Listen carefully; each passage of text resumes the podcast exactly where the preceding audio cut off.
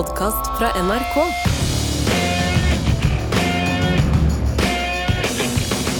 Som de sier i Frankrike, oh la la! Folkens, det er duket for Trygdekontoret. Eh, Her i Norge så har vi tillit til hverandre og institusjonene våre. Men for mye tillit kan også føre til korrupsjon, maktmisbruk, og at folk ikke stilles til ansvar når de prøver å lure systemet, eller når de driter seg fullstendig ut med inkompetans, som min venn Jørn Stubberud Mayhem kaller det. Det mener i alle fall dagens gjester. Ehm, Det er to damer som sammen har skrevet boka Det blåøyde riket, kolon norske tillitspatologier. Det er en bok om alt som går galt når man tar det for gitt at alle følger reglene og er eh, snille og greie og anstendige. Den første av disse er eh, polsk-norsk akademiker og forfatter. Hun er seniorforsker ved Senter for utvikling av miljø ved Universitetet i Oslo, eh, og hun har også en doktorgrad i komparativ politikk. Velkommen hit, Nina Witoszek. Hei. Takk. Da må du si takk, vi i Norge. Ok, da sier jeg takk skal dere ha, eller ja, er, vi, har thanks veldig a million på Irish. thanks a million. vi har veldig utpreget høflighetskultur i Norge, det vet jo alle. Eh, det neste, neste her er eh, jenta fra Grünerløkka i Oslo. Tilbake på den tida hvor Grünerløkka still meant something. Som eh, da dro til Paris eh, som eh, purung dame for å være au pair, og endte opp som en av verdens mest legendariske korrupsjonsjegere. Og kom så langt at hun faktisk ble presidentkandidat i Frankrike. Gro Farseth, Gro Eva Farseth, datter av en skredder og en frisør på Grünerløkka. Velkommen hit, Eva Jolie, som du heter. Ja, tusen takk. Tusen takk for invitasjonen. Har du vært på Løkka de siste 40 årene, Eva? Ja, jeg har jo det. Jeg har vært innom der. Men jeg kjenner meg jo ikke igjen. Det er overhodet ikke den samme bydelen. Nei. For når jeg vokste opp, så var det en arbeiderbydel. ikke sant? Det var Mm. der sjalerne bodde, bryggeriarbeiderne, vanlige folk, ekspeditører. Vanlige mennesker. Og det er ikke Hvor, er du, hvor var det du bodde hen? Hvor jeg bodde hen når jeg vokste opp, det var i Markveien 1, helt på toppen av Grünerløkka. Rett ved Foss videregående skole, Rett ved Foss videregående skole. som du også gikk på, eh, stemmer det? som jeg gikk på uh, i slutten av 50-årene. Det er veldig lenge siden. Mm. Og det var en veldig hyggelig skole med veldig flinke lektorer. Mm. Jeg gikk på reallinjen den gangen, og det var det veldig få jenter som gjorde. Og i det hele tatt, i min generasjon så var det 15% som tok artium. Men eh, om du krysser det med kjønn og oppvekststed, så var det antagelig 1% eller under det av jentene på Grünerløkka som tok artium. Tenk deg det. Og du kom jo så langt eh, altså Jeg nevnte altså du vært presidentkandidat i, i, i- i Frankrike for De grønne. Eh, du, men du har også vært Det meste av ditt yrkesaktive liv så har du vært eh, dommer, kan vi si det sånn. Eh, Eh, Nesten 30 år, ja. og det er, det, å, det er en type dommer i Frankrike som man ikke kjenner helt igjen fra dommerrollen i Norge. For at, eh, da er man også Man, man leder etterforskninger osv. Altså, du er litt sånn uh... Ja, det er en spesiell institusjon i, i uh, kriminell eh, rett, ikke sant? Altså i- ja, i, ja, du har, eh, vi, vi har en institusjon hvor dommere leder etterforskningen i alvorlige eh, lovbrudd, eller alvorlige kriminelle eller delektuelle lovbrudd.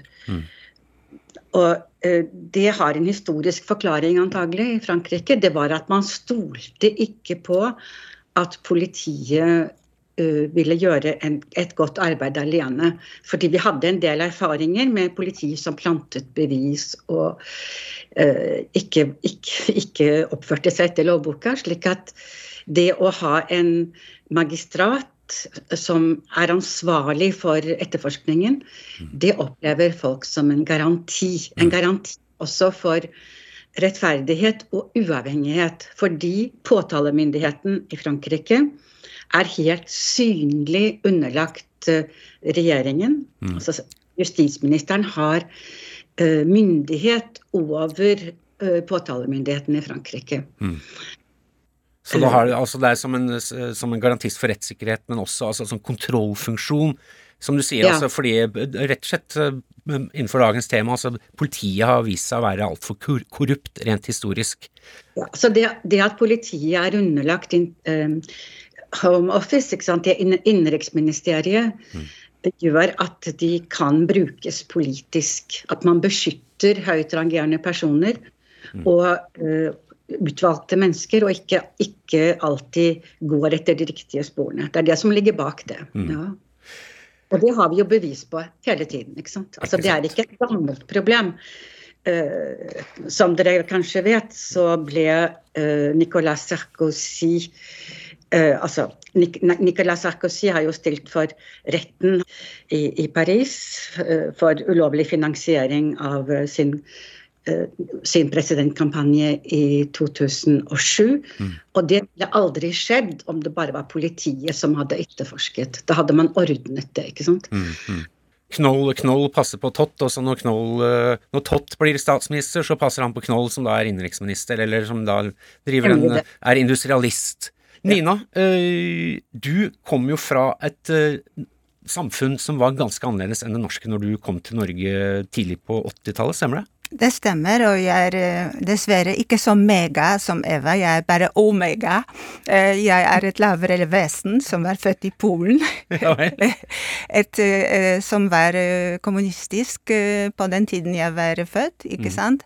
Så det var et sekundært land og en sekundær kultur som var på, la oss si, Europas margin, og det var egentlig veldig ubehagelig for å være en del av den polske intelligensia og, og skamme seg over, eh, la oss si, disse, den utbredte korrupsjonen, korrupsjon, ikke sant, og, og, og daglige ydmykelser. Det er et helt annet liv enn på Grunnløkka, tror jeg. Ja, på Grunnløkka i 20, 2023. Men eh, du, du har sagt du kom fra et kleptokrati. Kan du bare Ja. forklare hva det ordet betyr? Ja.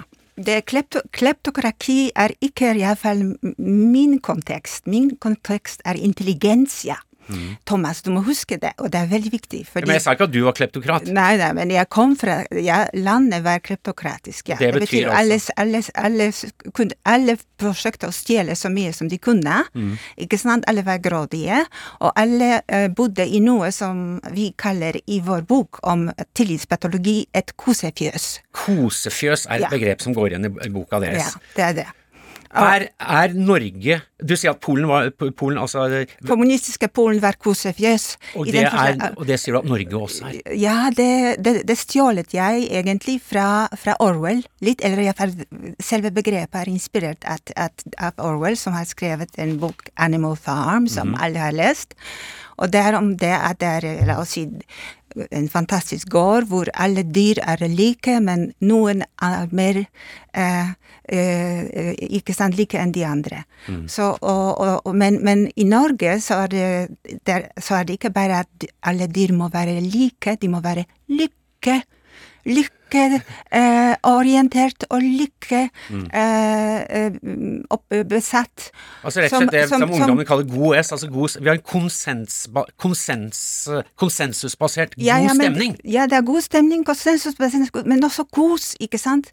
Alle, alle, alle, alle kjenner hverandre. Er de, jeg vil si, folk som er, som er i det norske panteonet, om det er makt eller økonomiske eliter eller akademiske eliter, kjenner hverandre. De har spilt fotball sammen, de har, de, de har gått på skolen sammen, de kjenner hverandre. Det er umulig å være inhabil ikke minst så er de jo ofte i slekt med hverandre. ja, ikke sant? Så det er umulig å være beklager. Det, er umulig å være habil i Norge av den grunn. Så derfor, er, derfor snakker vi om kosefjøs i den forstand at alle dyr må ha det koselig. Og, og, og, og forsøker å, eh, be, å beholde den, det, dette fantastiske universet. Og de som prøver å kritisere det, varslere, de blir. Frosset ut. Sant? De, blir absolutt eh, outcast. Det er litt morsomt, fordi eh, altså i USA, hvor jeg delvis kommer fra, så er det noe som heter Sons of Norway, altså emigrantgruppen. Vet du hva mottoet til Sons of Norway, i hvert fall i Oregon, er? Fortell. Don't rock the boat. Er ikke det spesielt? Det er jo akkurat det du beskriver. Det er mottoet til Det er liksom essensen av det å være nordmann, er å don't rock the boat. For nordmenn i USA. Eller norsk etter det. Men nå har vi en periode av rocking the boat, og med, no, derfor er det noe så interessant for oss. skjønner du. For det er så mange som har rocket the boat at det begynner å være litt mer spennende enn en før. Men altså, det, tilliten, tillits, tilliten i det norske samfunnet, altså som samfunnslim, har jo vært en uvurderlig kapital for å bygge det, et samfunn som tross alt er veldig, veldig bra i forhold til, eller fungerer veldig, veldig godt, Ja. og er ganske rettferdig, ganske egalitært i forhold til de fleste andre steder i verden. Altså, er, er ikke tillit eh, bra? Altså, er, hvis dette er prisen, hvis kosefjøset er prisen, så tenker jeg, er det kanskje verdt det, eller hva, hva tenker dere? Det er verdt det, absolutt. Eh, Vi er litt balanserte i boken, og vi mener at eh, tillit eh, er et fundament og en bærebjelke for det norske demokratiet. Det er helt utvilsomt. Men samtidig så har vi observert, eller jeg har observert første gang jeg kom til Norge, det var, interessant, det var et interessant inntrykk jeg hadde når jeg første gang kom til Norge. Det var i 80... Det var i 83. Jeg var utvist fra Polen, ikke sant. Og jeg eh, snakket med økofilosofen Arne Næss, som sa vi nordmenn vi, vi har råd å være naive. Uh, sånn bare er det. Noen må tro på kjærlighet og jobbe med fred på jorden. Hi-hi-hi, sa han. Litt, litt sarkastisk? Det er litt sarkastisk. Og en, en nederlandsk kollega som heter professor Hottentot, forresten, eh, oppsummerte det blåøyde riket i Norge med en setning. Nordmennene og norske bedrifter er så snille og anstendige at de ikke trenger noen regler i det hele tatt. Nei, vi trenger ikke regler her Nei. i Norge, fordi vi er i utgangspunktet snille. Snille. Regler er for slemme folk som, som, som bryter dem. Absolutt. Men i Norge så alt gjøres uformelt, ikke sant? Hvordan var det dere to uh, kom sammen og bestemte dere for å skrive bok? Jeg inviterte Eva som eh, Arne Næss professor. Jeg er en sånn sjef for eh, program på Universitetet i Oslo. Og vi hadde et kurs sammen, og i to år egentlig, som var veldig populær blant studenter, så du kan forestille deg. Sant? To gamle kjerringer som har et kurs som er veldig provokativ. Og så bestemte vi oss at nå er det på tide å ta Norge. vi hadde internasjonale, vi snakket om internasjonale, globale, la oss si, patologier. Ja. Så, så, så bestemte vi oss å snakke om norske patologier som var mer og mer av. Det, for meg var det et mentalt sammenbrudd å sam- sam- samarbeide med Eva, for å være helt ærlig. Fordi hun, hun, var, hun var helt utrolig. Hun uh, matet meg hele tiden med disse veldig vanskelige dokumenter, ikke sant, som ju, var juridiske. Jeg jeg er ikke jurist. Du er Nei. ikke jurist. Du vet ikke hva. Men Eva gikk jo realistlinja på videregående. det- gjorde ikke vi. Ja, ikke Hun er, ja. Hun, er veldig, hun, er, hun er veldig kompetent uh, som jurist, og så derfor skrev jeg denne boken. Fordi jeg tenkte hvis jeg ikke hvis jeg, jeg var ikke til stede og tvunget meg til å dokumentere alt, og jeg brukte jeg mener, to år for å finne en fotnote på alt mulig rart for å være på den trygge siden, ikke sant? Fordi det er lett å være en sånn nærmer seg injuri når du tar konkrete personer som eksempler. Så da, da følte, følte jeg meg tryggere som skribent, fordi jeg, som skribent er jeg som, som jeg er drevet av polsk barokk. Okay. Polsk over, overdrivelse. Ja. Men eh, Eva, kan, eh, kan en eh, jurist snakke med en filosof, lurer jeg på? å ja, det, det, det går veldig bra. Det er akkurat, vet du, fordi Det høres litt parisisk ut, syns jeg, men ja. Forskjellen på Nina og meg, Nina er akademiker. Hun har lest alt hun kan, veldig, veldig mye. Mens jeg er en praktisk person. Jeg er en akt... Altså, jeg gjør ting, ikke sant. Og det er akkurat det som gjør styrken i vårt møte. Det er at uh, vi tar konkrete caser, og så legger vi det inn i det universet som Nina mestrer. Fordi hun har lest alt om dette på andre steder, ikke sant. Men bare, bare for å gå tilbake. Eva, eh, definisjonen her. Hva er korrupsjon? Det er å utnytte sin stilling til egen, egen inntekt, til egen fordel. Det er misbruk av, av makt, det er misbruk av, av jobben din. Det er ikke nødvendigvis for penger, det er jo ofte for penger og fordeler. Men det kan, være, det kan også være for å få en annen fordel. Fordel for barna dine, eller en fordel for deg selv i et, eh, for å få en promosjon du ellers ikke ville ha fått. Altså, det er et veldig vidt begrep eh, sant? Det er ikke bare at du får en koffert med penger, og så, forandrer, og så ser du gjennom fingrene med en søknad, f.eks. Nei.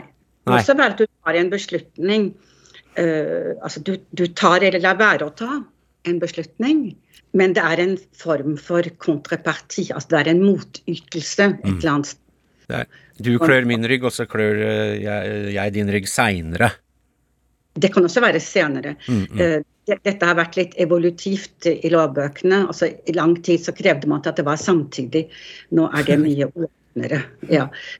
vi sier ofte at det som teller, er ikke hvor du kommer fra, det er altså hvor du vil hen. Mm. Og det er litt viktig å ha i bakhodet når du ser på beslutninger som av og til er litt rare. Så kan du lure på om det er fordi man forventer seg Altså man har satt en kreditt i uh, tjenestebanken, mm. og man håper at uh, om et år, når de som er opposisjonen i dag kommer til makten, så vil de ikke glemme hva du har gjort i dag for dem. Og da vil de tenke på deg til den flotte jobben du ønsker å få i New York. ikke sant? Ikke sant. Slik at uh, det, det, kan være litt langsiktig. Ja, for jeg bare tenker sånn jeg tenker på korrupsjon, da tenker jeg Hvis jeg skulle vært korrupt, så vil, da vil jeg at det skal komme en fyr med dress i flyende helikopter og gi meg en koffert med penger, og så skal han fly av gårde, og så skal vi ikke si noe, vi skal bare ta hverandre i hånda. Men sånn som det er i Norge, det var jo en unibuss, jeg tror det var den Unibus-skandalen. Dette er liksom norske eh, er norske forhold. Jeg lurer på om en av de som ble dømt i den skandalen, det, det han fikk ut av det, var to billetter til skiskyting-VM i Østerrike. Da syns jeg Norge, nå må dere steppe opp her. det skal ikke, men det skal ikke mer til. Jeg har holdt veldig mange foredrag i, i, Norge for noen år siden om korrupsjon. Og jeg fortalte om, om den store korrupsjonen. ikke sant? Om milliardene som valset. Om uh, forsvarsministre som fikk kreditter på sine konti i, på Cayman Island eller andre steder. Mm. Og så kom spørsmålet på slutten som var gjerne Du, min svoger han, han, får eh, diettpenger, men så sover han virkelig hos søstera mi eller et annet sted. Er ikke det korrupsjon? Ikke sant? Altså, det var ofte veldig veldig lavt nivå, og problemet var kan jeg ta imot, kan jeg ta imot uh, dette og, og hint? Mm. Og det, det, synes jeg også markerer det norske samfunnet. Det virker som at det ikke er fantasi til å tenke. Uh, gravende journalister av og til at det er sånn det foregår. Ja. Jeg husker f.eks. at man laget stort leven for en forsvarsminister som hadde vært uh, hun hadde vært og inspisert skip uh, langt av gårde. Var dette Norge eller Frankrike? I Norge. Ja, ja. Da, da, publiserte uh, journalisten, jeg husker ikke hvilken avis det var, at hun hadde faktisk bestilt to glass med champagne og en peanøttpose, og det sto på regningen hennes på reiseregningen. Da tenkte jeg at dere vet jo ikke hva, hva en forsvarsminister virkelig kan få i jobben sin. ikke sant? Ja.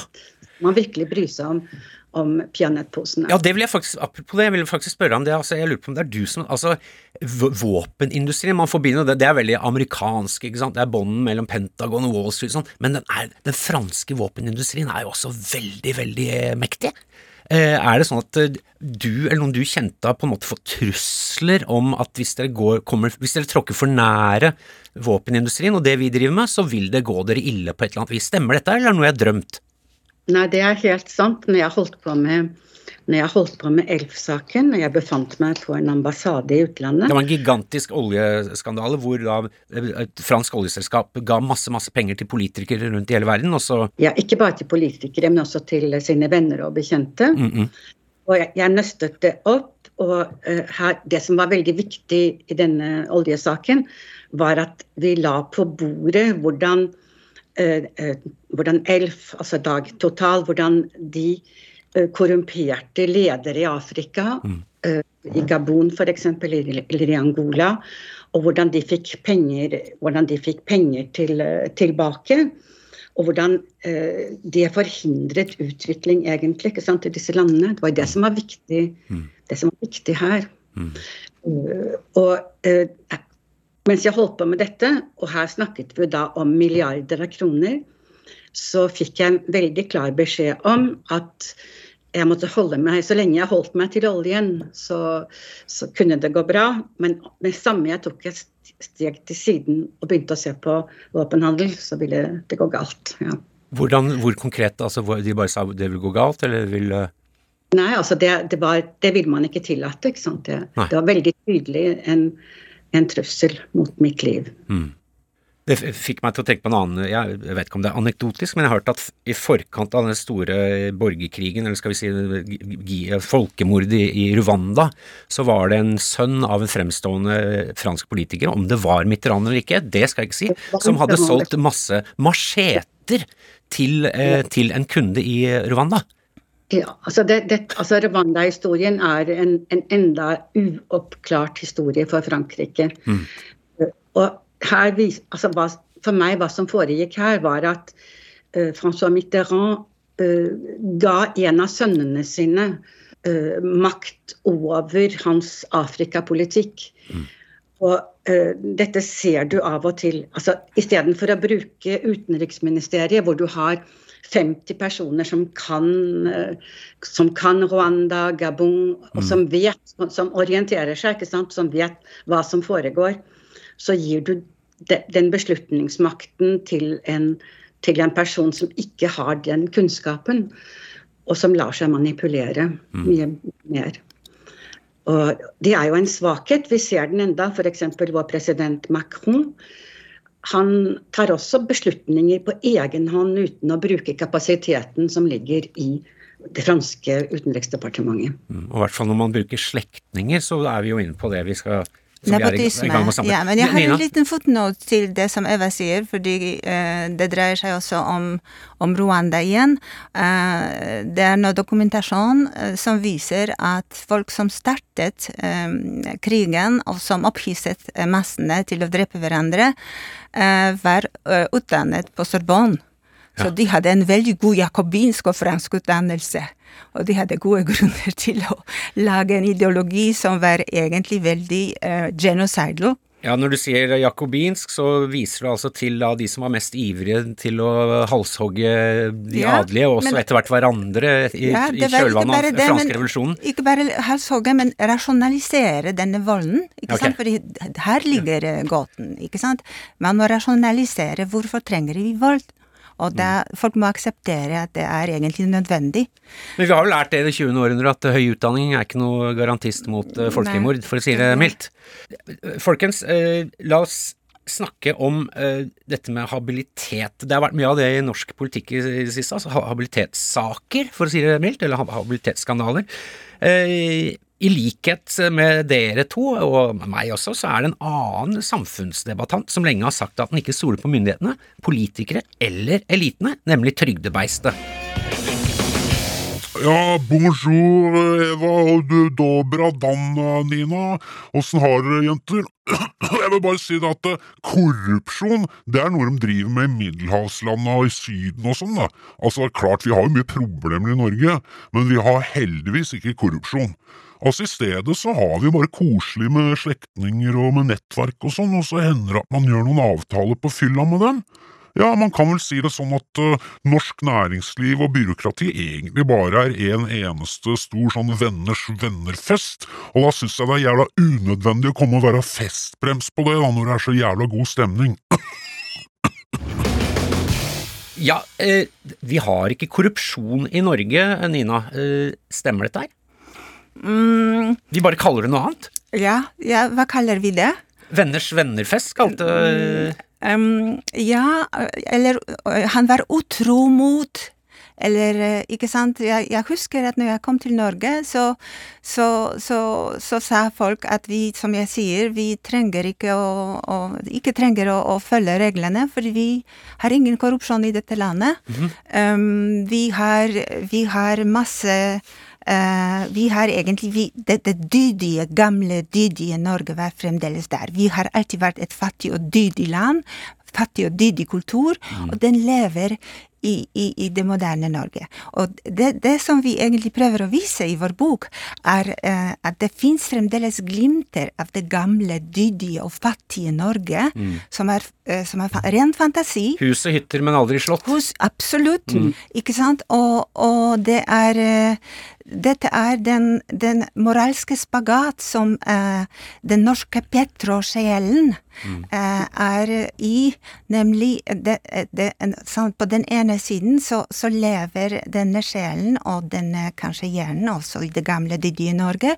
På den andre siden bebor den den nye, grådige, eksplorerende og dristige Norge, som er kanskje litt mer aggressiv og litt mer kanskje reklameorientert, og selvreklameorientert. Ikke sant? Den branding. Det, at dette Man er skal brande seg selv. ja, ikke sant. Dette er et land som har, jeg tror, rekord når det gjelder nasjonal branding. Alle tror, alle ut, Nordmenn har overbevist hele verden at de er det, det mest moralske, liberale demokrati på jorda. Det mest økologiske samfunn på jorda, ikke sant. Og jeg har mange Men studenter er vi ikke det, da? Nei, men jeg har mange studenter som kommer fra USA, som, som mener de kommer til økolo det økologiske Mekka. De må studere Arne Næss, ikke sant? Og så er de litt fortvilet etter tre måneder når de drar til Stavanger. og for jeg alltid ber dem om, å dra til Stavanger, hvor Eva jobber nå med Kielland-saken, forresten. Ja, stemmer. Ja, og, og de, det, det, dette Det er ikke noe økoland, det er ikke noe økokollektiv, Nei, eh, det- det, er ikke en hobbitlandsby basert Nei, på grønne verdier. Nei, det, det er den spenningen mellom det dydige Norge og det grådige Norge og det urettferdige Norge som er veldig interessant, som gjør et, et land som var veldig kjedelig, til et veldig spennende sted for oss, ikke sant? For de er en forfatter, jeg må ha noe å skrive om. Og det er bare når det er en spenning, eller en, en la oss si, kognitiv dissonans, at jeg har, noe, jeg har noe på papiret der, ikke sant? Men jeg tenker, Eva, jeg tenker dette med at vi er enige om at vi ikke altså, Jeg syns dette går litt igjen. Vi snakker ikke så mye om korrupsjon i Norge. Det er noe de driver med i middelhavslandene. Det, det får meg til å tenke på en uh, historie visstnok da de første misjonærene kom oppover Margaret-elva i Vest-Australia. Så sto det innfødte altså, fra, fra urbefolkningen i Australia, de sto og så litt på denne kanoen, disse kanoene som de padlet med. Og etter hvert, så når de kom tilbake oppover elva flere ganger, så så de at de innfødte sto med ryggen til. De snudde seg vekk. Og så når de da fikk kontakt med dem via tolker, så spør de hvorfor snur dere vekk dere vekk når vi kommer oppover elva. Og da sa de fordi den farkosten dere bruker, vi har ikke noe ord for det. Derfor, bare for å slippe de brukte vel ikke ordet kognitiv dissonans, men bare for å slippe peset, så snur vi oss vekk. Er det litt sånn med, med korrupsjon i Norge? Er, korrupsjon er liksom ikke et norsk ord. Ja, altså jeg, jeg, jeg, jeg husker når jeg kom til Norge i 2002 og jeg begynte å arbeide for, eh, for regjeringen for å lage et antikorrupsjonsprosjekt, så var det veldig forunderlig. Og jeg husker jeg snakket med jusprofessoren i Oslo om korrupsjon og hvitvasking, og de mente helt alvorlig at det ikke var et problem i Norge. Men etter hvert så kom jo skandalene som viste at eh, nordmenn er akkurat som andre mennesker. De har de samme, samme dydene de samme fristelsene. Og at norske multinasjonale selskaper oppførte seg akkurat som andre internasjonale multinasjonale selskaper. De, de kjøpte seg kontrakter, og de bestakk akkurat som andre. Slik at jeg tror det er skandalene som har vist, altså fra kommunene øh, at i Norge så vet man også å, å servere seg. Jeg tror at det er en at, at den norske dugnadsmentaliteten, solidariteten, samarbeidet, som er veldig sympatisk, det er, den, det er tilpasset en annen tid. Det er Norge i etterkrigsårene. Det er enda det fattige Norge som Nina beskriver. Men jeg tror at, at eh, disse begrepene nå i den nye tiden, hvor arbeiderpartipolitikere eh, spiller høyt spill med aksjer på kontoret, så jeg mener, eh, Vi har jo oppdaget f.eks. at um, en av hovedpersonene på eh, statsministerens kontor uh, har kjøpt aksjer for ca. 16 millioner kroner, tror jeg det er. Uh, altså Det har hun selvfølgelig lov til, men i de aller fleste land så ville man jo stille spørsmål stille veldig sjenerende spørsmål for henne. Altså, hvor forsiktig var hun? Hadde motparten adgang til opplysninger hun kunne gi? Men altså, nå jeg tror, jeg vet ikke på hvilket øyeblikk det ble vanlig for Arbeiderpartifolk å ha store investeringer på børsen. Dette er en ny kultur. ikke sant? Det er en helt ny kultur. I Norge så var vi imot skatteparadiser. Vi var for eh, skatterettferdighet. Og det å være gratispassasjer når jeg vokste opp, det var veldig skammelig. i dag så, uh, så nøler man jo ikke med å ansette uh, en mann for å dirigere oljefondet som hele sitt liv har brukt skatteparadiser for å unngå å betale skatt på fortjeneste. Nå snakker vi om Nicolai Tangen. For eksempel. Ja, det er akkurat det jeg snakker om. Men det er jo veldig så det, At man gjør det i et land hvor skatterettferdighet var så viktig, mm. det det viser jo helt klart sant, at det er en ny tid. Mm. Og det er jo helt i overensstemmelse med at vi oppdager at ekspedisjonssjefen på statsministerens kontor kjøper aksjer samtidig med private equity eh, i store summer. ikke sant? Mm. Dette er nytt for en arbeiderpartikultur. Mm. For eh, hva er det det går ut på, egentlig? ikke sant, Arbeiderpartiet? Det er jo det er, fordel, det er, hvordan man fordeler merverdien mellom kapitalen og arbeiderne. Mm. Og dermed så er det skurrende ikke sant, når ledende arbeiderpartifolk lever av aksjespekulasjon. Så dette er en ny tid, men det er vårt imaginær. Det er vårt eh, bildearkiv er ikke tilpasset enda den denne, nye Denne kanoen som kommer oppover elva, den har vi ikke fått inkorporert helt i, i, i hjernen? Nei, vi har ikke inkorporert den i hjernen. Nei. Mm, mm. Du, du, bare for å opp begreps... Du sa private equity er altså dette er, da, det er de som kommer inn og kjøper bedrifter, egentlig nesten som slags, for å si litt hardt, som kleptokrati. Altså du, du, går inn og du kjøper bedrifter, og så prøver du å tjene maks på dem på kortest mulig tid. Mm. Det er nemlig akkurat det. Det er en god definisjon. Mm. Og private equity har en annen, uh, også veldig stor karakteristikk. Eh, det gir veldig stor fortjeneste til eh, rådgiverne, altså de som er manager av disse private equity. Mm. De tar 2% av beløpene de bestyrer, ca. Og de tar ca. 20% av merverdien de får til. Eh, og dette har vært studert av sakkyndige verden over. Det er en professor på Oxford som heter Ludovic Falipo han eh, påviser at egentlig så er det ikke større inntjening for kundene på private equity enn det er på, på børsen i New York, på Wall Street. Det er 11,2% i året i gjennomsnitt. Mm.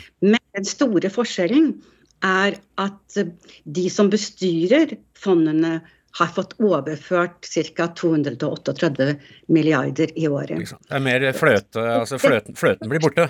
Fra mange til de få. Mm. Det er det det er basert på. Og det, de skaper milliardærer. ikke sant? Mm. Og vi må da stille oss spørsmålet er det virkelig dette samfunnet vi vil ha. For når du ser på hva som skjer med firmaene uh, som de kjøper opp, så blir jo de veldig forgjeldet. For prinsippet ligger i at uh, det det har kostet private equity å kjøpe firma, det betaler det kjøpte firmaet selv. med cashflow i løpet av noen år. Man betaler selv for sin egen undergang. Jeg har bare lyst til å si eh, disse er habilitetsskandaler. Du nevnte en ekspedisjonssjef ved, statens, eh, ved statsministerens kontor. Eh, bare for å ta det altså, bare for å gå gjennom de sakene. Anniken Huitfeldt skulle hun gikk av etter at det ble avslørt at mannen hennes handlet med, med aksjer. Mens Sindre Finnes, altså mannen til forhenværende statsminister Erna Solberg, da, mens hun var alle kjente saken, han, hun gikk ikke av. Skulle Erna gått av? Altså, hun sitter jo som Høyre-leder, og det er selvfølgelig Høyre som bestemmer om hun skal sitte eller ikke, så lenge hun er eh, leder for Høyre og ikke statsminister. Hadde hun vært statsminister, det er et helt, et helt annet uh, spørsmål. Men skandalen her for meg, den, det er mindre Erna enn hva det er at Økokrim ikke startet en etterforskning. Fordi uh, for å starte en etterforskning så skal du ha skjellig grunn til mistanke. Og det er jo denne mistanken som fikk Anniken Huitfeldt gjorde at hun måtte gå. For hva er det man mistenker når uh, mannen til statsministeren driver med daytrading, eller mannen til utenriksministeren? Man mistenker at de misbruker informasjon de har fått på sengekanten eller ved kjøkkenbordet. Som andre aktører ikke har tilgang til? Ja, fordi hvorfor i all verden skal man ellers bruke tid til personlig å spekulere istedenfor å bruke fond? Om det ikke er fordi man har håp om at man skal gjøre den virkelig store, gode butikken. Og i Sindre Finnes sak så var bl.a. Nordic Mining-kjøpene veldig suspekte. Uh, og da sier Økokrim at dette var egentlig små beløp og gammelt, så de syns ikke det var nødvendig å, å starte en, en, informasjon eller en etterforskning uh, når det gjelder ham. Men det vi må være klar over, er jo at de har ikke etterforsket. De, du kan ta den beslutningen først når mistanken er blitt avkreftet. Mm. Og her har Økokrim sittet og bladd i noen papirer og sett på offentlige kilder. En etterforskning det består i å gå mye nærmere. ikke sant? Mm. Du går personen, du går inn på bankkontoen, du mm. ser uttak og inntak.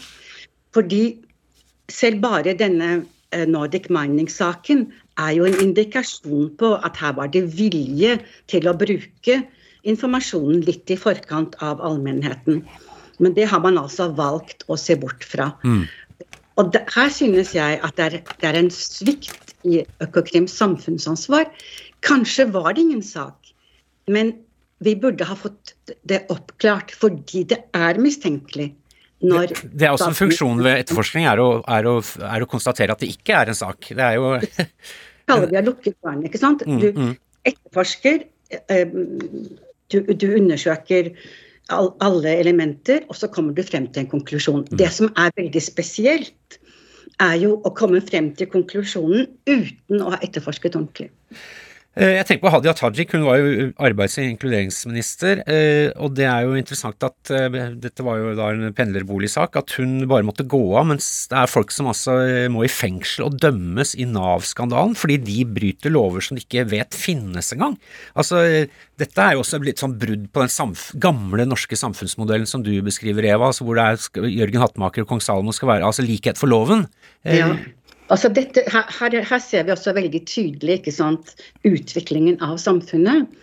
Eh, fra et samfunn hvor eh, det var dugnad og veldig anstendighet, hvor man passet på altså hvor man passet på å ikke stjele et frimerke. Mm. Min mor sa alltid til meg at sant, du gjør deg ikke til kjeltring for et, et frimerke. Mm.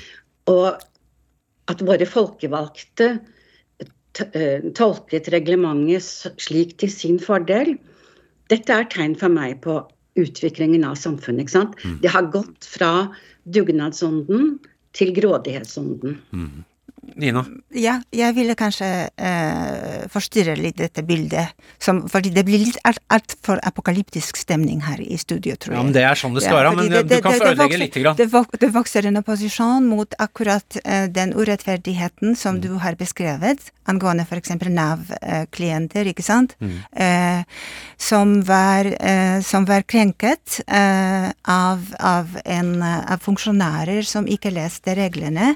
Egentlig så var det en, en komité eh, som var valgt for å studere både EOS-reglene og norske reglene, mm. og etterpå var eh, anbefalinger av den komiteen sladdet av eh, Solberg-regjering. Det som ikke passet de norske reglene, var sladdet. Ja. Og det vet vi. Det er dokumentasjon for det. Mm. Men det som skjer nå, er, eh, for å komme tilbake til opposisjon mm. og, og, og, eller opprør i samfunnet, er at det er mange, mange grupper som lager, la oss si, en ny antikorrupsjon dugnad. Ja, håpet ligger i grasrota? Ja, absolutt grasrota. Alt grasrota. Det er bottom up, ikke sant? Mm. De lager eh, et opprør, og for eksempel nå har vi en rettssak, eller saksmål, uh, mot staten som er hvor det, som det dreier som, hvor, hvor man ser 60 000 personer altså class action, ikke sant, mm. som det heter på amerikansk. Mm. Class action mot staten. Eh, saken er eh, nå, jeg tror det er på pilotstadium i tingretten, men jeg vet fra våre samtaler med Nav-klienter at hvis de ikke vinner, så går de rett til Strasbourg. Så det betyr også det er, det er, noe som skjer. Folk er ikke så passive som vi trodde.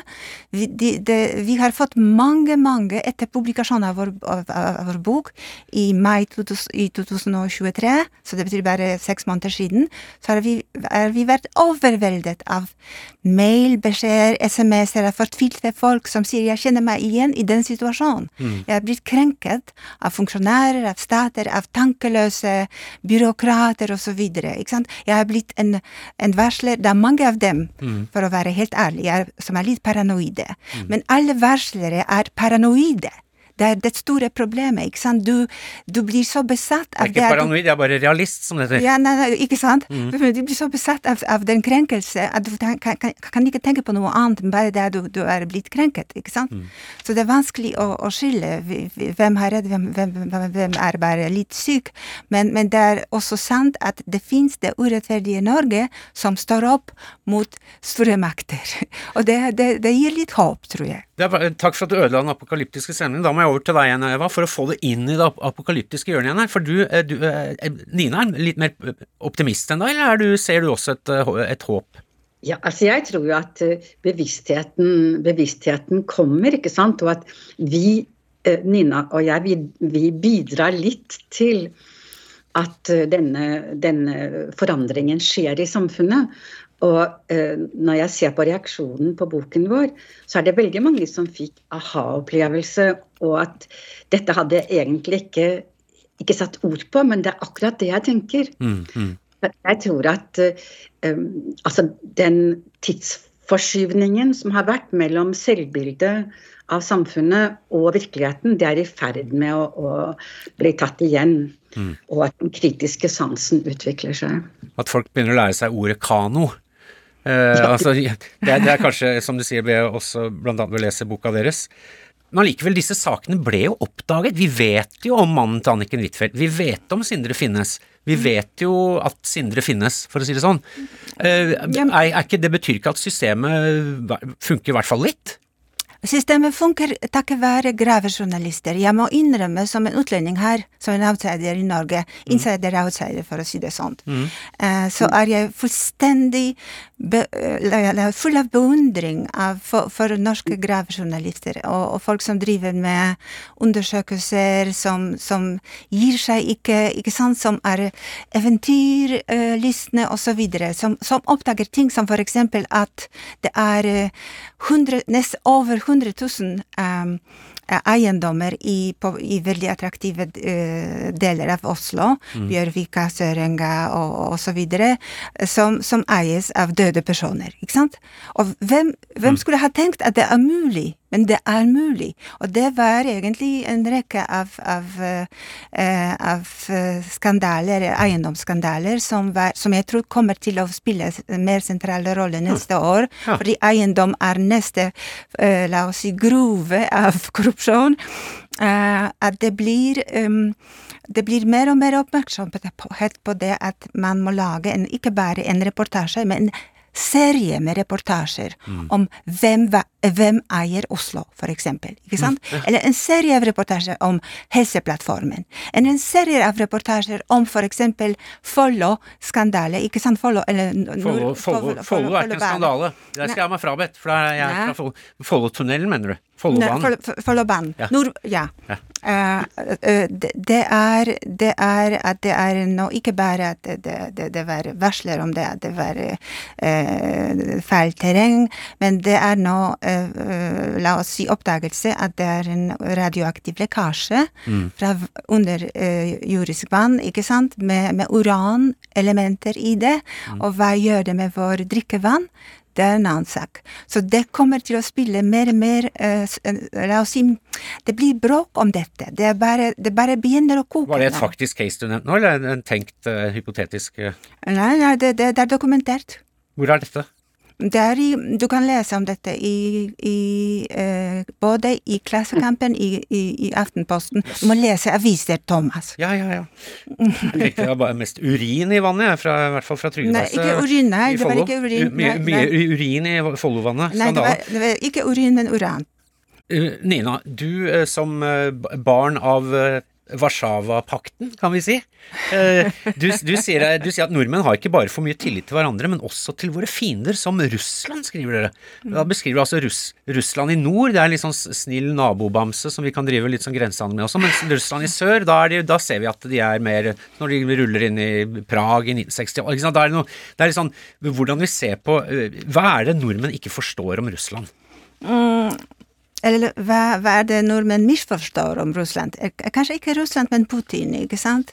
Jeg, jeg, um, jeg liker ordet, eller det norske begrepet, å kjenne Russland, fordi det betyr også å kjenne eh, både i den, i den sensuelle forstand, ikke sant, at du, du har, du kjenner noen på, på på, på kroppen, men også det kognitive. ikke sant? Du kjenner noen. Så jeg mener, men, men, men nordmenn kjenner Russland la oss si, mer i den kognitive forstanden, eh, ikke i den kroppslige forstanden. Polakker derimot har, har fått Russland får Russland kjent Russland på kroppen. og, vel, og mer enn på kroppen, ikke sant? På sjelen også, fordi en av teknikker av den gamle KGB var å ikke bare eh, eh, bryte eh, menneskelig eh, bryter la oss si, eh, kroppen, men også, også eh, skade sjelen for godt. Ikke sant? Det var, det var deres eh, Sjelens sjel- ingeniører. Sjelens ingeniører. Men du var ikke Da må jeg arrestere deg. Felix Dzerzjinskij, som jeg, grunnla KGB, var jo polakk. Det, var sant, det, det er sant. Der fikk du den. Dzerzjinskij var en polakk, absolutt, og veldig besatt. Han var, jeg tror han er et psykisk eller klinisk tilfelle, mm -hmm. uh, men iallfall han var eh, eh, ikke ansvarlig for det som Stalin gjorde. Eh, det, det som Han var tidligere. gjorde. Ja, absolutt. Og vi, vi snakker ikke om sjelensingeniør. Jeg tror at sjelingeniører høres litt for mildt ut. Det er sjelens slaktere. Slaktere. Ja, og det er en sjelens slakt, skjønner du, som er litt ukjent for, for nordmenn, ikke sant? sant? nå er ikke det russiske imperiet her for å forsvare seg. Nei. Men, eh, men, altså, men, men hvorfor Hva er det vi Ok, så vi tenker, nordmenn tenker kognitivt på Russland. Ja, og Russland er det gode nabo. ikke sant? Det er den gode nabo. Man må eh, forholde seg litt pragmatisk til den gode nabo og eh, forhandle med ham eller hun. Eh, forhandle med Putin. Forsøke også å rasjonalisere hans angrep eller rekolonisering av Ukraina. Man tillegger han en fornuft som kanskje ikke er der. Ja, nettopp. Ikke sant? Fornuft som kanskje er der, men som er fullstendig eh, twisted, ikke sant? Som er fullstendig fordervet. Uh, fordi det er fordervet fornuft, eller kynisk fornuft, hvis du vil, eh, som vi er kjent med i Polen angående å leve under under eh, den russiske eller den sovjetiske hælen. Så, så, så den delen har vi analysert, og derfor ble jeg så sjokkert når jeg hørte første, eh, og leste første artikler i norsk presse om angrep på Ukraina, eller for meg var det rekolonisering av Ukraina, og helt et imperialt prosjekt, ikke sant, de luxe. Og, og så leser jeg Asle Toje, som, som jeg beundrer som intellektuell, som sier at uh, Putin har legitime grunner for å, uh, for å angripe og, og re, re, uh, rekolonisere Ukraina. Så tenkte jeg, hva har skjedd med Asle? Har han gått bananas? Men, men, men eh, det, det, det, det slo meg at egentlig var mange første reaksjoner på invasjonen som var, la oss si, veldig rasjonelle og veldig forståelsesfulle, og, og det visste jeg, jeg, jeg, Men det er en menneskelig svikt da vi tror at andre folk tenker sånn som vi gjør. ja, ikke sant? Det, det, det var en sånn, det var, en- jeg tenkte, jeg, forsøkte å forstå det. Eh, jeg visste at nordmenn prosjiserte sine egne oppfatninger av Russland, og som de kjenner veldig lite om, eller de har ikke kjent det på kroppen, som jeg sier det. Eh, eh, og, og, og, og det er egentlig bare fint å være naiv, men ikke i dette tilfellet. Så, så vi snakket veldig mye om korrupsjon. Vi snakket veldig mye om, om kleptokrati. Men hvis man begynner å bruke ordet naiv for å dekke for korrupsjon, mm. eller for politisk umodenhet, ikke sant, eller mangel på innsikt i politikken, som har sikkerhetsimplikasjoner for, for Norges Da gjør man seg selv medskyldig. Da, da gjør ikke medskyldig, man skader seg selv. Skader seg selv. Dere snakker om Norge er blåøyd, vi må bli mer gråøyd. Er fint begrep. Ja, gråøyd er et fint uttrykk. Takk skal du ha, Thomas. Vi, vi bruker det i, i neste volum av vår bok. Du, eh, jeg er inne på ge geopolitikk her, og eh, nordmenns forhold til den. Eh, Terje Rød Larsen, altså arkitekten, diplomaten bak denne Oslo-prosessen, som ikke er spesielt populær verken på israelsk eller palestinsk side. Eh, han var jo lenge en godt likt mann i norsk offentlighet, mye pga. denne avtalen. Han, dere, dere, går litt hardt ut mot han i boka her. Det skal også sies, han er heller ikke her til å forsvare seg, men hva er, det, hva, hva er ankene der? Vi går litt hardt mot alle. Mm. Men litt mykt også, fordi vi, vi, forsøker, vi forsøker, å holde balansen. Som en jern, jernneve i en silkehanske? Ja, eller omvendt? Ja, ja, vi hadde sånne samtaler. Jeg sier, Eva sier vi må ta vi må, ha, vi må ta dem, ikke sant? Mm. Jeg sier nei, nei, nei. Nei, Eva, jeg bor i Norge fremdeles, så vi kan ikke ta den for hardt. ikke sant? Noe sånt. Du overdriver, Nina. Du overdriver. Men jeg, nei, det var, jeg, jeg overdriver selvfølgelig. Jeg, jeg er polsk. Polakkene er alltid la oss si, er kunstner i overdrivelse. Men jeg, det, som, det er Baltikums lat, latinos, fortsett. Det er absolutt latinos i, i, i Europa, mm. og det er vår hubris. Men, men, eh, det som jeg tror er interessant når det gjelder Terje Rød Larsen, at det som jeg beundrer, og vi beundrer, jeg og Eva, og vi kan ikke skjule det, at han var genial. Han var genial i å skape dialog. Han var eh, genial um, la oss si, i å skape tillit også. Uh, tillit er en kunst, å skape tillit er en kunst. Mm. Han var absolutt uh, fenomenal når det gjelder uh, akkurat brobygging. det er jo en diplomats største, sterkeste valuta. Absolutt. Mm, mm. Men samtidig, han var også en genial luring. Men det er ikke han som er interessant for oss, egentlig, i denne boka, i, i, i tillitspatologi. Det er Jeffrey Epstein som han lånte ganske mye penger av. Ja, det er sant. Det, mm. ja, han, han, han, gjorde masse, masse dumme ting, for, forresten, som, som Eva har allerede beskrevet. Tankeløse ting, kanskje. Det var kanskje tankeløst av ham også, få låne penger fra en mann som var uh, Men du må huske, uh, og vi husker, ikke sant, at det var ikke bare ham, det var også uh, den, den kongelige familie i, i i England som var implisert, det var mm-hmm. også Obama som var implisert, det var, eh, det var eh, Clinton som var implisert. Alle stjerner var i på mange måter i kahoot mm. med, med, uh, med, Epstein. Mm. Så, så, hvorfor ikke Terje Larsen, ikke sant? Men samtidig Hvis ikke jeg er korrupt, så kommer den andre til å være korrupt, som jeg pleier å si. Ikke sant? Ja. Men det som er slående, det som er såpass, uh, la oss si, det, det som er sjokkerende, at en mann som står for den, la oss si, myte om Norge som fredsnasjon Fredseksportør. Fredseksportør. Mm. Gjør noe sånt. At mm. han ikke tenker langsiktig nok. Men det, det, er ikke ham som jeg sier som er interessant for oss. Det som er interessant, er den langvarige tillit til ham. Mm fra det norske utenriksdepartementet, fra norske myndigheter, ikke sant, som stoler på ham hele veien, på tross av alle forskjellige typer skandal, småskandaler, peccadillos, Mickey Mouse, overskridelser her og der, mm, mm. så hadde han en ganske fin portfolje med, med småskandaler, altså, sant. Altså små papirkutt. Men hva, hva skulle, hva skulle eksempel UD ha gjort annerledes? Um, først og fremst uh, tror jeg uh, uh, være litt sensitiv på, på, på det at Eller skeptisk. Skepsis er et nøkkelord. Mm. Skeps, ikke, kanskje ikke altfor mye kritikk, men litt skepsis.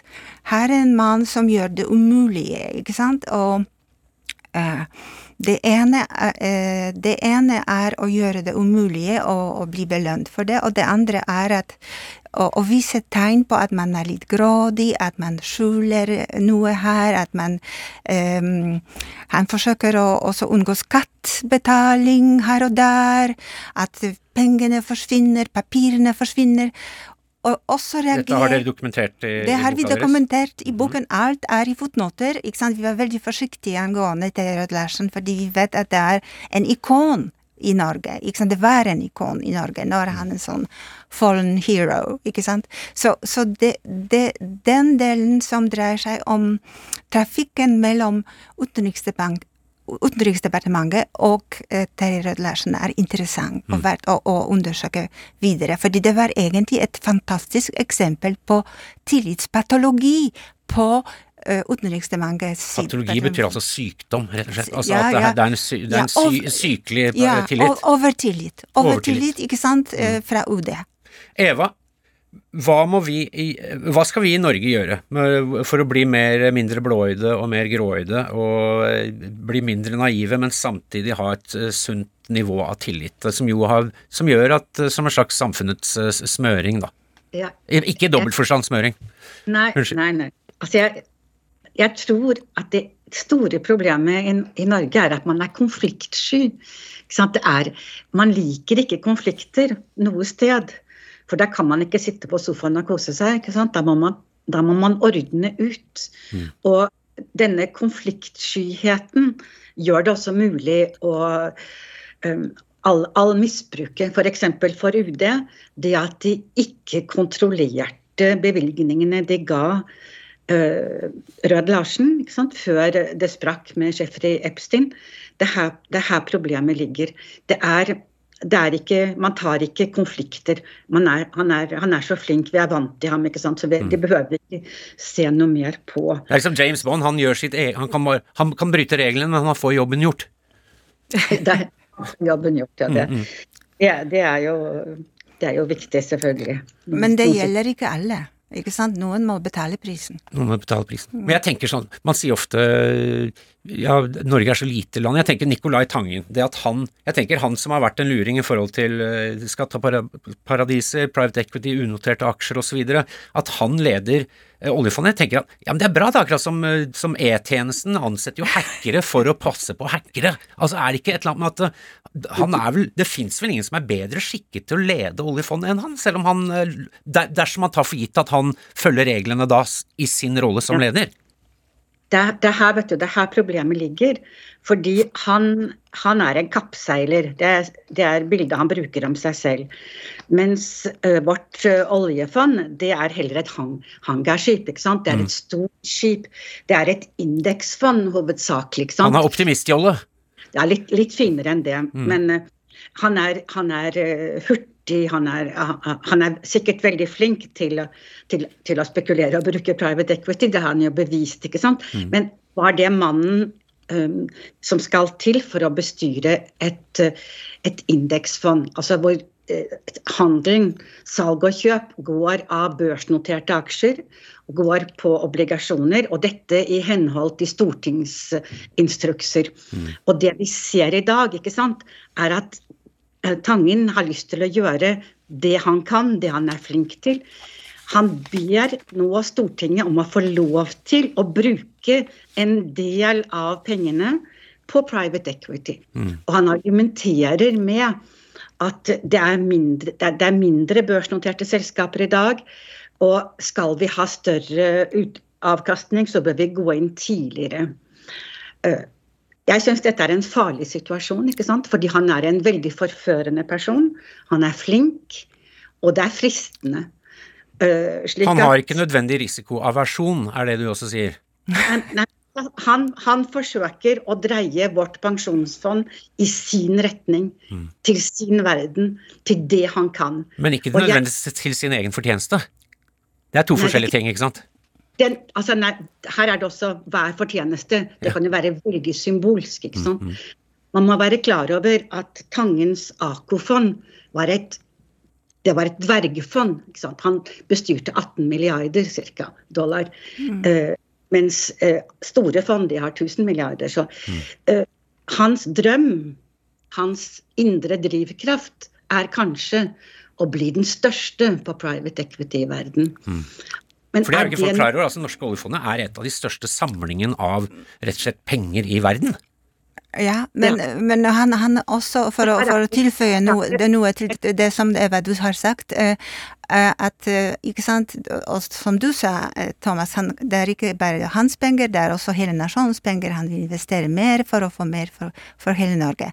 Ikke nødvendigvis fordi han har nevnt i en, et intervju både mm, risiko, men samtidig en stor sjanse for å få tjeneste, og en stor sjanse for å få bedre lønn. Det var nøkkelord. Da visste jeg Eva hadde rett.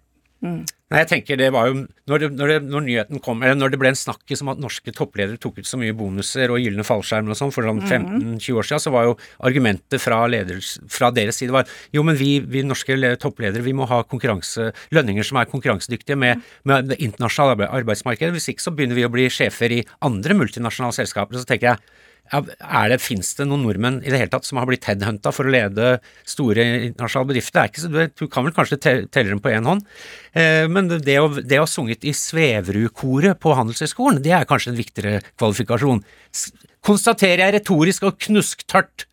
Um, Eva, til slutt. Um, går det an å kombinere et, et større skepsis og tillit?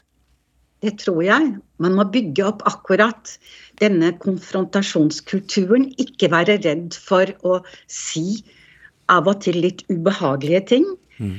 Men gjøre det med et smil, og få et smil på den andre siden. Og så kommer man litt lenger frem over Altså, man kommer litt videre fordi det er en hypotese A, en hypotese B, og kanskje er det C som er riktig. ikke sant? Mm. Mens i Norge så har man tendens til å ikke konfrontere ledere med andre muligheter. Mm. Så jeg tror at for å kunne beholde en livgivende tillit som ikke underminerer demokratiet vårt, så må vi bygge opp en konfrontasjonskultur bedre. Mm. Nina? Ja, man kan ha, Det er to måter å reagere på det som skjer på. Den ene er å være kreativ og kynisk. Ikke sant? Mm. Og så uh, vite og la oss si være oppmerksom på det at Norge ikke lenger er um, Kardemommeby, at den nye sangen um, uh, som dreier seg om du skal ikke skade andre, bør som jeg sier, uh, bør gå som, som, som følgende Du skal ikke bry deg særlig, du skal holde deg naiv, for det lønner seg å lyve for å ha et lykkelig liv. Det, det, oi, oi, oi. Dette er, dette er kynisme, mm. ikke sant? Men, men, det er en kreativ kynisme. Også den andre, den andre ting som vi har allerede nevnt i stad, nemlig tro på det at folk skal stå opp, at det fins en grasrotbevegelse mot det urettferdige Norge, noe som er helt fantastisk for meg, fordi Norge har en tradisjon i motstandsbevegelse. Så litt mer kreativitet i motstandsbevegelse, og alt blir fantastisk. Milorg 2.0. Dette er også litt Eh, for å holde oss i det apokalyptiske hjørnet helt til slutt altså Når du ser på, eh, ser på, tallene i USA, hvor mange, som ble, hvor mange, hvor mange journalistutdannede i 1980, tror jeg, som ble PR-rådgivere, så var det 10% ble det, og de resterende ble journalister. Nå er det omvendt. Nå er liksom 10% blir journalister, 90% blir PR-rådgivere. Og det, de er jo ikke det for grasrota, det er de for oligarkene og for private equity managerne og for, for disse her. Mm. Så det er jo sannheten, dette er liksom kampen om sannheten, og det er jo, den skjer jo på veldig mange fronter i vår tid. Eh, Nina Witoszek, eh, Gro Eva Jolie. Tusen takk for at dere stilte opp og bød, bød, bød, på dere selv på så gråøyd vis. Ok, men Thomas, jeg heter egentlig, siden det er Eva Gru, jeg heter Nina Valentina. Så jeg ønsker fint. alle våre lyttere happy valentine. Åh, så fint. Eh, folkens, takk for at dere hørte på dette som egentlig starta som en podkast, men nå som nå er en uh, eh, PFU uh, eh, og Kringkastingsrådssak uh, in, in IRL, altså et slags presseetisk gråsonefelt.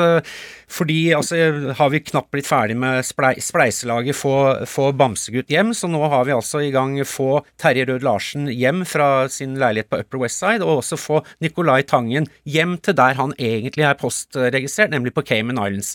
Eh, så det er bare å vrenge lommene og, og sende inn til spleiselaget. Vi snakkes eh, kanskje da neste uke, eller vi hørs da. Inntil da, stay trygda. Podkast fra NRK. Det du trenger, er en ukentlig humorpodkast som tar humor på alvor. Og nyheter på enda alvorere. Vi gir deg det gøyeste om det siste, og det siste om det gøyeste. Det siste om det gøyeste? Mm. Det gir mening hvis du ikke tenker på det. Satire. Harselas. Drøyt, men innafor. Hør Desken brenner i appen NRK Radio.